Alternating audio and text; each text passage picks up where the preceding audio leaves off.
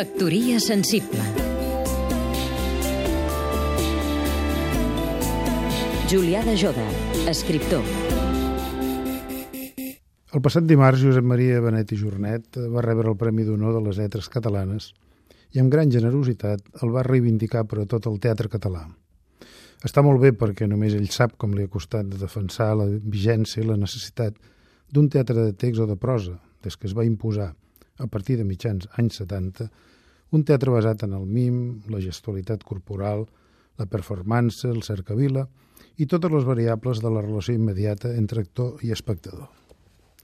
D'altra banda, tant el Teatre Lliure com el Teatre Nacional van trigar molt de temps a incorporar autors catalans, morts o vius, a les seves programacions.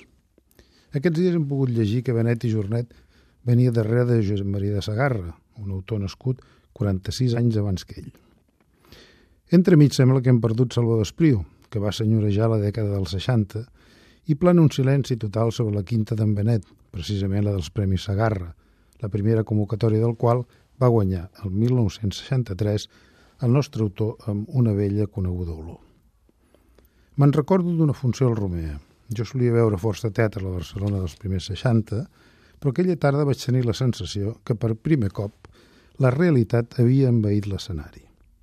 I aquest és el gran mèrit de l'obra de Benet i Jornet, fer per tal que allò que passava al nostre voltant adquirís forma lligant una manera de veure el món, una ètica, amb una manera de manifestar-ho, una estètica.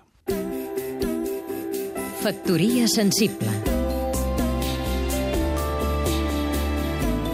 Seguim-nos també a catradio.cat